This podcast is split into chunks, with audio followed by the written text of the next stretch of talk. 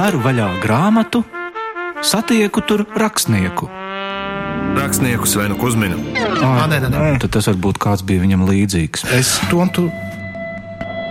Raidījums cienījamie lasītāji etīdes par literatūru. Sestdienās, 15.35. LR1.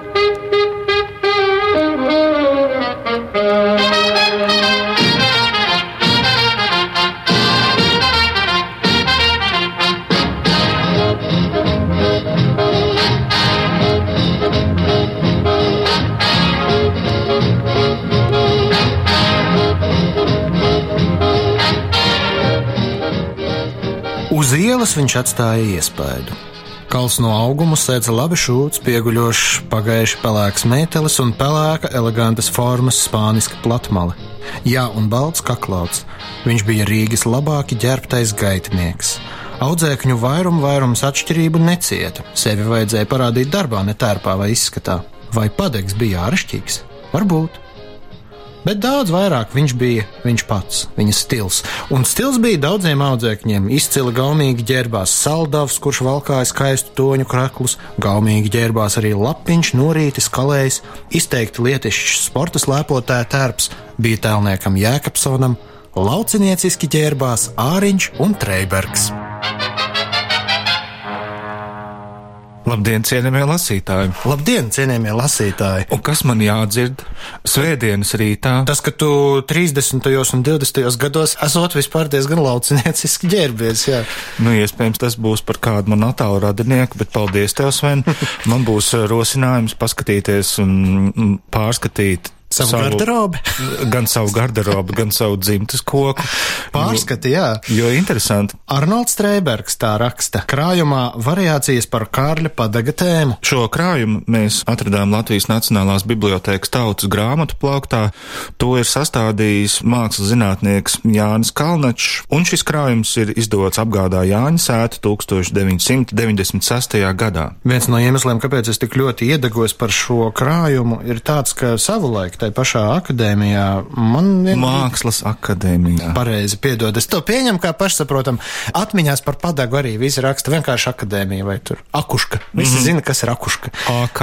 Jā, LMA. Man tajā akuškas laikā bija sajūta, ka viss, ko vien var par padegu izlasīt, ir jau izlasījis. Bet te, lūk, atklājās, ka ir vēl vesels atmiņu un apcerējumu, ja tā var teikt, krājums. Viens no atmiņu žanra piemēriem mūsu raidījuma ciklā bija Ērika Hānberga un Ulda Brieža sastādītais krājums par vāgūzi, par liepāju 70. un 80. gados, un šajā kontekstā man šķiet interesanti salīdzināt to žanrisko atšķirību un to, cik savādāka ir valoda, izteiksme tā laika cilvēkiem, kuri atceras Kārli Padagu. Tā ir, varētu teikt, tā izteiksmības vēsture.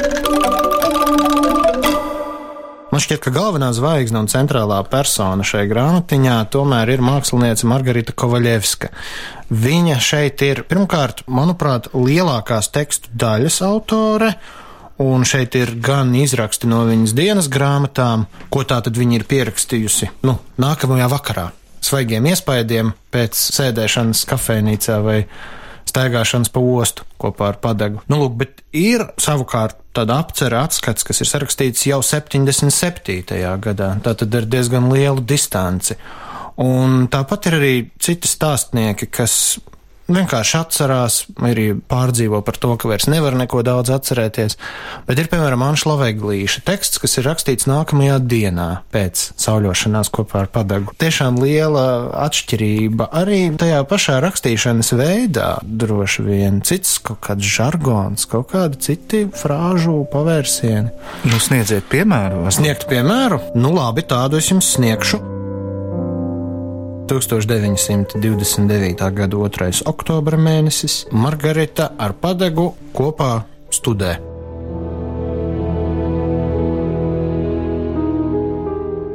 Nu, bet, ja es visus citus arī gribētu tik pamatīgi aprakstīt un parādīt, tad man pietrūktu dienas grāmatā lapu.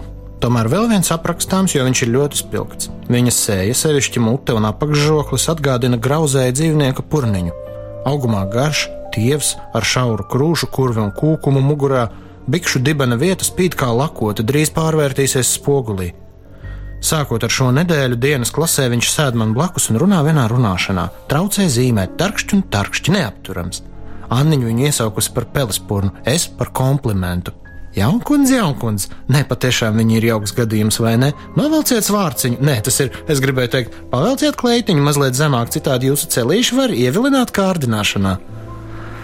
Viņam blakus sēdošais baļulis, augumā sīciņš un maziņš, ar seju kā apaļu mēnesis ripu sajūsmas smieklīšos aizrīs. Viņš neaizgriež nevienu acu šķieli no balamutes, šķiet katru viņa vārdu aprija ar acīm un ausīm. Tik uzmanīgi un aizgrābti klausās mūsu komplimentā. Viņš to apbrīno. Kleitiņa jaunkundzei vienkārša un eleganta, sarkanais lakatiņš taisni lielisks, jums ir gaume, jūsu mati reiz bijuši gari līdz papēžiem, skaisti mati. Lūdzu, ar ko jūs pucējat zobus, tik balti un nādziņus? Ieplašu pirkstus kā starus, aiz nagiem ogles melnie putekļi, baļulis un kompliments sakratās smieklos. Lieliski! Es nikna, lieciet mani mierā! Ak, šīs sievietes, sievietes, brīdi klusējis kompliments atsāk, bet šāds teiciens, ko viņš tik bieži lieto, izklausās kā rudens cāļa ak šīs vistas. Vispār tādam puikam nemaz nepiestāv runāt par bārdāmām, resnu žīdeņu kājiņām, dāmu apakšveļu un tā tālāk. Citi audzēkņi jau paspējuši uzzināt, ka viņš apbrīnojami veikls zīmētājs.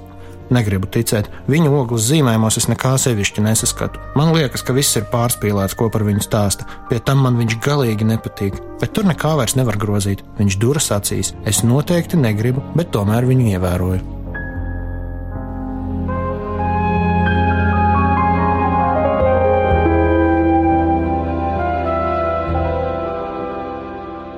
Ne vairāk, ne mazāk kā trīs dienas pēc šī ieraksta, 5. oktobrī, Margarita Kovaļevska raksta jau pavisam citās toņkārtās par jauno padegu, jeb komplimentu, un viņa kļūst par uh, labiem un gandrīz nešķirmiem draugiem. Margaritas Kovaļevskas apzīmējums par padegu, tad, kad viņš jau ir devies izmantojot gleznotāja Juri Jurjāna izteikumu mūžības dārzos. Mūžības dārzos. Jā, viņi nosauc viņu par ēnu dārza ziedu. Tas, nu, man liekas, ļoti trāpīgs apzīmējums un sasaucas gan ar padaga mākslinieka veikumu, gan ar viņa tēlu, kuru mēs varam izsacināt gan no fotoattēliem, gan arī no laika biedru atmiņām. Vienlaikus ārkārtīgi ar sevi nodarbināts, kā šajā grāmatā lasām, viņam ļoti svarīga bija reklama. Reklāma, jā, tas Reklāma man absolūti vajadzīgs. Jā, tas viņam bija absolūti vajadzīgs.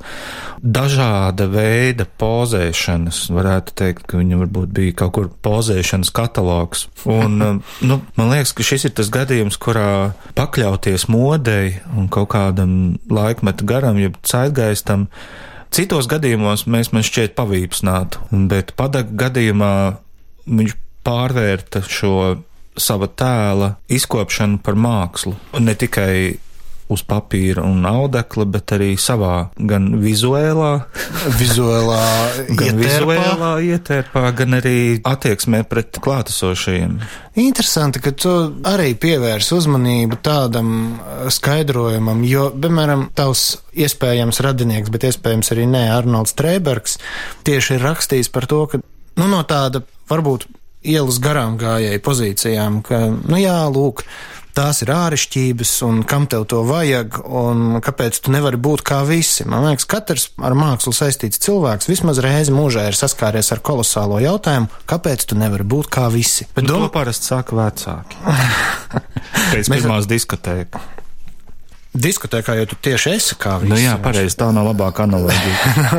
Skolas direktora kabinetā to var šat tad izdzirdēt topošie mākslinieki. Bet, man liekas, ka padeks pat nav īsti tāds tā kā sekotājs modē, viņš drīzāk viņu izgudro no jauna. Bet es jau nerunāju tikai par apģērbu modi. Tur jau ir ļoti daudz. Kas... Nu, jā, nu jā, es jau tāpēc arī saku, tas ir tāds mm. vesels kopums dzīves, nu, tu saki. Nu, geštalts, tieši tā, pilnīgi precīzi. Un, Viņš tā kā to savu gestaltu veido no jauna. Tas ir tāds mākslinieka dzīves akts, kas arī ir mākslas darba sastāvdaļa. Nosaukums cienījamie lasītāji. Tas ir vairāk par jums.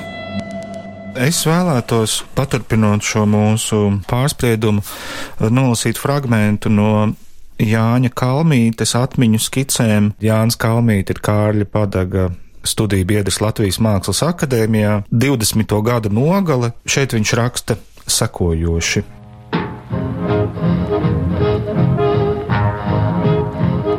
Padaks sāk pīpēt, ko, protams, viņš nedrīkstēja. Mēs sākām mācīties dzert. Tie bija diezgan jautri brīži, kad restorānā Rīga, Dzirnavu ielā, ļoti populārs vidusšķiras restorāns slavens ar sīpolu klops, pasūtījām pudeli degvīnu un dzērām no špicglāzītēm, bet ne padaks. Viņš ielēja alus glāzē un mēģināja vienā paņēmienā izdzert, un tad, protams, ātri sāka reibt un taisījās krist, bet vēl ar aprēķinu, lai iekristu pagaldē. Tad viņš tajā kādu laiciņu pagulēja, mēs nedrīkstējām viņu celt augšā, jo lūk, vajadzēja ļaudīm redzēt, ka padaks guļ pagaldē. Varbūt pat rītdienas pēdējā brīdī parādīsies apraksts par to, un tas bija būtiski nepieciešams padagam. Tā padags iemācījās dzert un netika vairs vaļā. Viņam absolūti bija vajadzīga reklāma. Viņam bija absolūta vajadzība, lai par viņu runātu. Viņš bija uz skatuves katru sekundi cilvēku priekšā. Šāda aina Padaks iet, labāk sakot, steidzas pa Rīgas ielu, skats taisnu uz priekšu, neredz nevienu, baltu šāli plandās, cigarete ar garu iemutu mutē, baltās getras virs kurpēm tik nozib, jo padaks steidzas, katrs var redzēt, ka padaks aizsteidzas kādās svarīgās darīšanās. Jā, padaks steidz uz akadēmiju tikpat strauji pa akadēmijas lielajām durvīm uz garderobi, noliek platmali, un tāda bija tikai viena pa visu Rīgu, speciāli pasūtīta. Un mēteli, kura priekškabatā mirdzoši balts kabats lakats un neiztrūkstošie plati polsterētie pleci, un tad piesteidzas pie spoguļa un paliek pie tā daudzas minūtes. Tad lēnā gaitā līdz vienam no vairākiem soliem, kuri atradās akadēmijas vestibilā, un paliek tajā sēžam stundu vai divas. Visi redzēja, padaks iegrims sevī. Tā padaks viens pats ļoti bieži sēdēja pie Švārca, Lunā un kādā kafejnīcā brīvības ielā, kuras vārdu jau esmu aizmirsis. Tajās viņš sēdēja vairākas stundas un gandrīz katru dienu, jo visi redz, padaks sēž sevī iegrimis, cieš pasaules sāpes.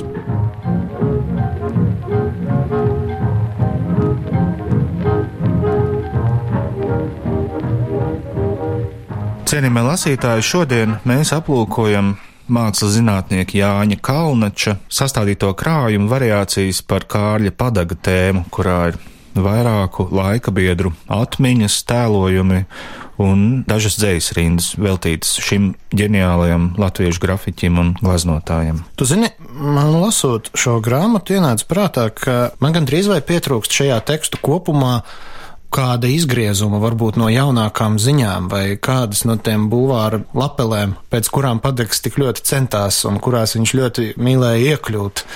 Es pieļauju, ka zeltainā presa, kā jau zeltainā presa, noteikti arī ir jau uzbūrusi kaut kādu skandalozu leģendu ap šo tēlu, viņiem jau tas ir, saprot, kā medusmaize, bet savā ikdienas dzīvē, un labāk kā jebkurš cits to zināja, Margarita Kovaļevska, viņš esot bijis ļoti tāds vienkāršs un pieticīgs cilvēks. Un tad, kad viņš iziet Rīgas ielās, tad pēkšņi viņam ir uh, pār plecu tas mētelis perfekti izlīdzinātās krokās un skaistuma pumpiņu uz uh, vaigu uzzīmēta. Un uh, te bija viens fragments, kur Margarita Kovaļevska ir mazliet piefiksējusi to kontrastu starp to, kāds ir padeks būvāra preses lapusēs. Un kāds ir padegs, tad, kad Margarita pie viņa aiziet ciemos padzert tēju? Tas kontrasts ir diezgan ievērojams.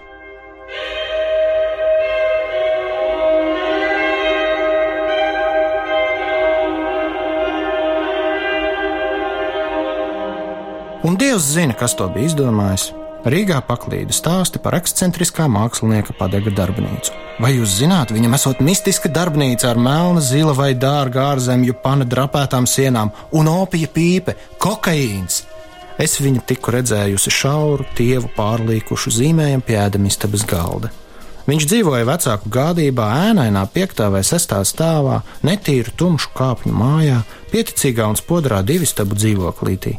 Vecmāmiņa čubinājās virtuvē. Viņam nebija savas istabas, pat lāga kaktenē, tikai pašā ēdamistabā ar logu skatu akai līdzīgā sētā aiz veca puķēna aizkara slēpās viņa gulta. Pagultē glīti cicais cita salikti glabājās sarkanie smiekli, daži apgleznoti audekli un viņa sapņi par kāroto Parīzi, melno zīda sienu darbnīcu. Un ne no kā, tikai ar bārdas skujamo nāzi, platmali, sarkanu kaklautu veidotais Rīgas spožais dendijs. Mēs esam nolādēti, un šis lāsts, šī sīkpilsonība kā sots velkas tev līdzi visur. Sākumā tu tici vienalga kam, un tu tici un esi priecīgs, ka vari kam ticēt, bet tad šī ticība sāk zust. Tu ieraugi, ka sēdi būrī. Un vari kliegt, cik vien jaudā tava balss, bet nekad tu nevarēsi izkliegt tik stipri, lai to dzirdētu citi. Tu vari mesties pret būru sienām, tu vari savus spārnus nodrāst asiņainus, dzirdi līdz kaulam asiņainus, bet tu ārā netiksi, jo esi nolādēts un šai krātiņā mums ir jānomirst. Jo tikmēr, kamēr mēs būsim stipri, mēs no viņa ārā netiksim. Bet tiklīdz sāksim gurt un nogursim tik tālu, ka viss kļūs vienalga, un būsim spējīgi vairs tikai pieliekties, līst un izlīst, lūk, tad mēs būsim brīvībā. Bet tā būs mūsu nāve.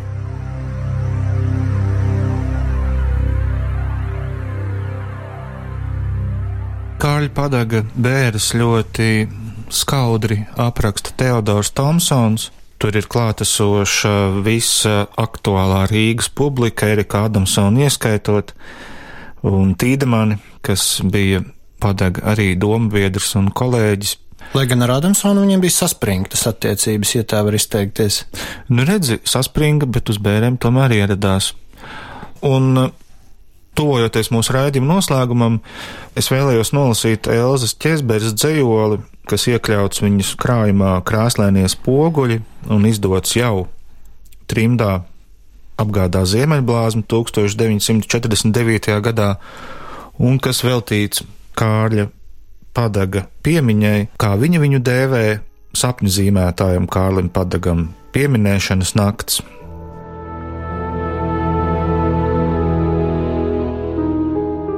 Es neesmu kas dzīva, kaut vēl smējam, redz ļaudis mani, tu, kam lemts nav mirt, kaut kapā dusi atkal kopā ejam un mūsu ēnas šonakt nevar šķirt. Tas dēļums dīvainais, ko kaisli alki, nu aizsaulē tev rasts. Jau saki man, vai tavi sapņu zīmējumi smalki kā orhidejas tur nu zied un tvan? Dorians Grejs un Glāns un Paganīnī, Pērs Gins, tas klaidonis, liels draugu pulks ap tevi stāja, redz draisko kolumbīnu, skums tarlekīns, tu visiem bija tulks. Ņem viņa sulu, dzer, lai liesmas dotas, lai pusnakts vaigā tavas krāsas zib, lai astrālās un nekļūdīgās otras tev atkal mērkties pašas sirdī grib.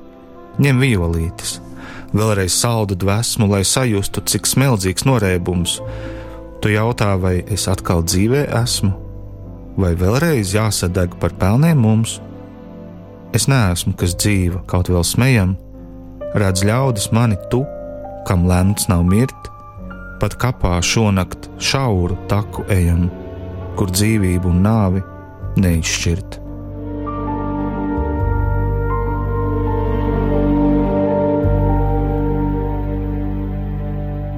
Cienījamie lasītāji, steidzīgi uz Latvijas Nacionālā Mākslas muzeju Jā, tur riksītī, varat, riksītī, tur varat skatīt vismaz, manuprāt, pamat ekspozīcijā ir kaut kādi četri darbi. Nu, Madonna ar ložmetēju tur ir bez šaubām, jā, bet tur ir arī grafikas, tur var arī grafikas apskatīt. Mm -hmm. Un šis tiešām fenomenālais gribētos pat lietot tik skaļas frāzes, Jāņa Kalnača um, apkopojums, variācijas par Kārļa padaga tēmu, formāts 3 uh, pret 4, bet uh, Ļoti laika vecīgs. mašīna, laika mašīna nokļūšanai 20. un 30. gadu ne tikai Rīgā, jo tā jau nav Rīga. Rīga ir sākuma punkts, bet tie virmojumi taču ir pa visu pasauli. Nu, kā mākslinieki? Jau, jā, pirmkārt jau tas, un otrkārt, tur ir arī apspriedums mazliet par to, ka liela daļa latviešu mākslinieku patiesībā diezgan provinciāli dara pakaļ Eiropas tendencēm, bet tad uzrādās tīraģi kā padeks vai tīdamanis vai kāds cits, kas ir īsti un izdarījuši kaut ko lielu.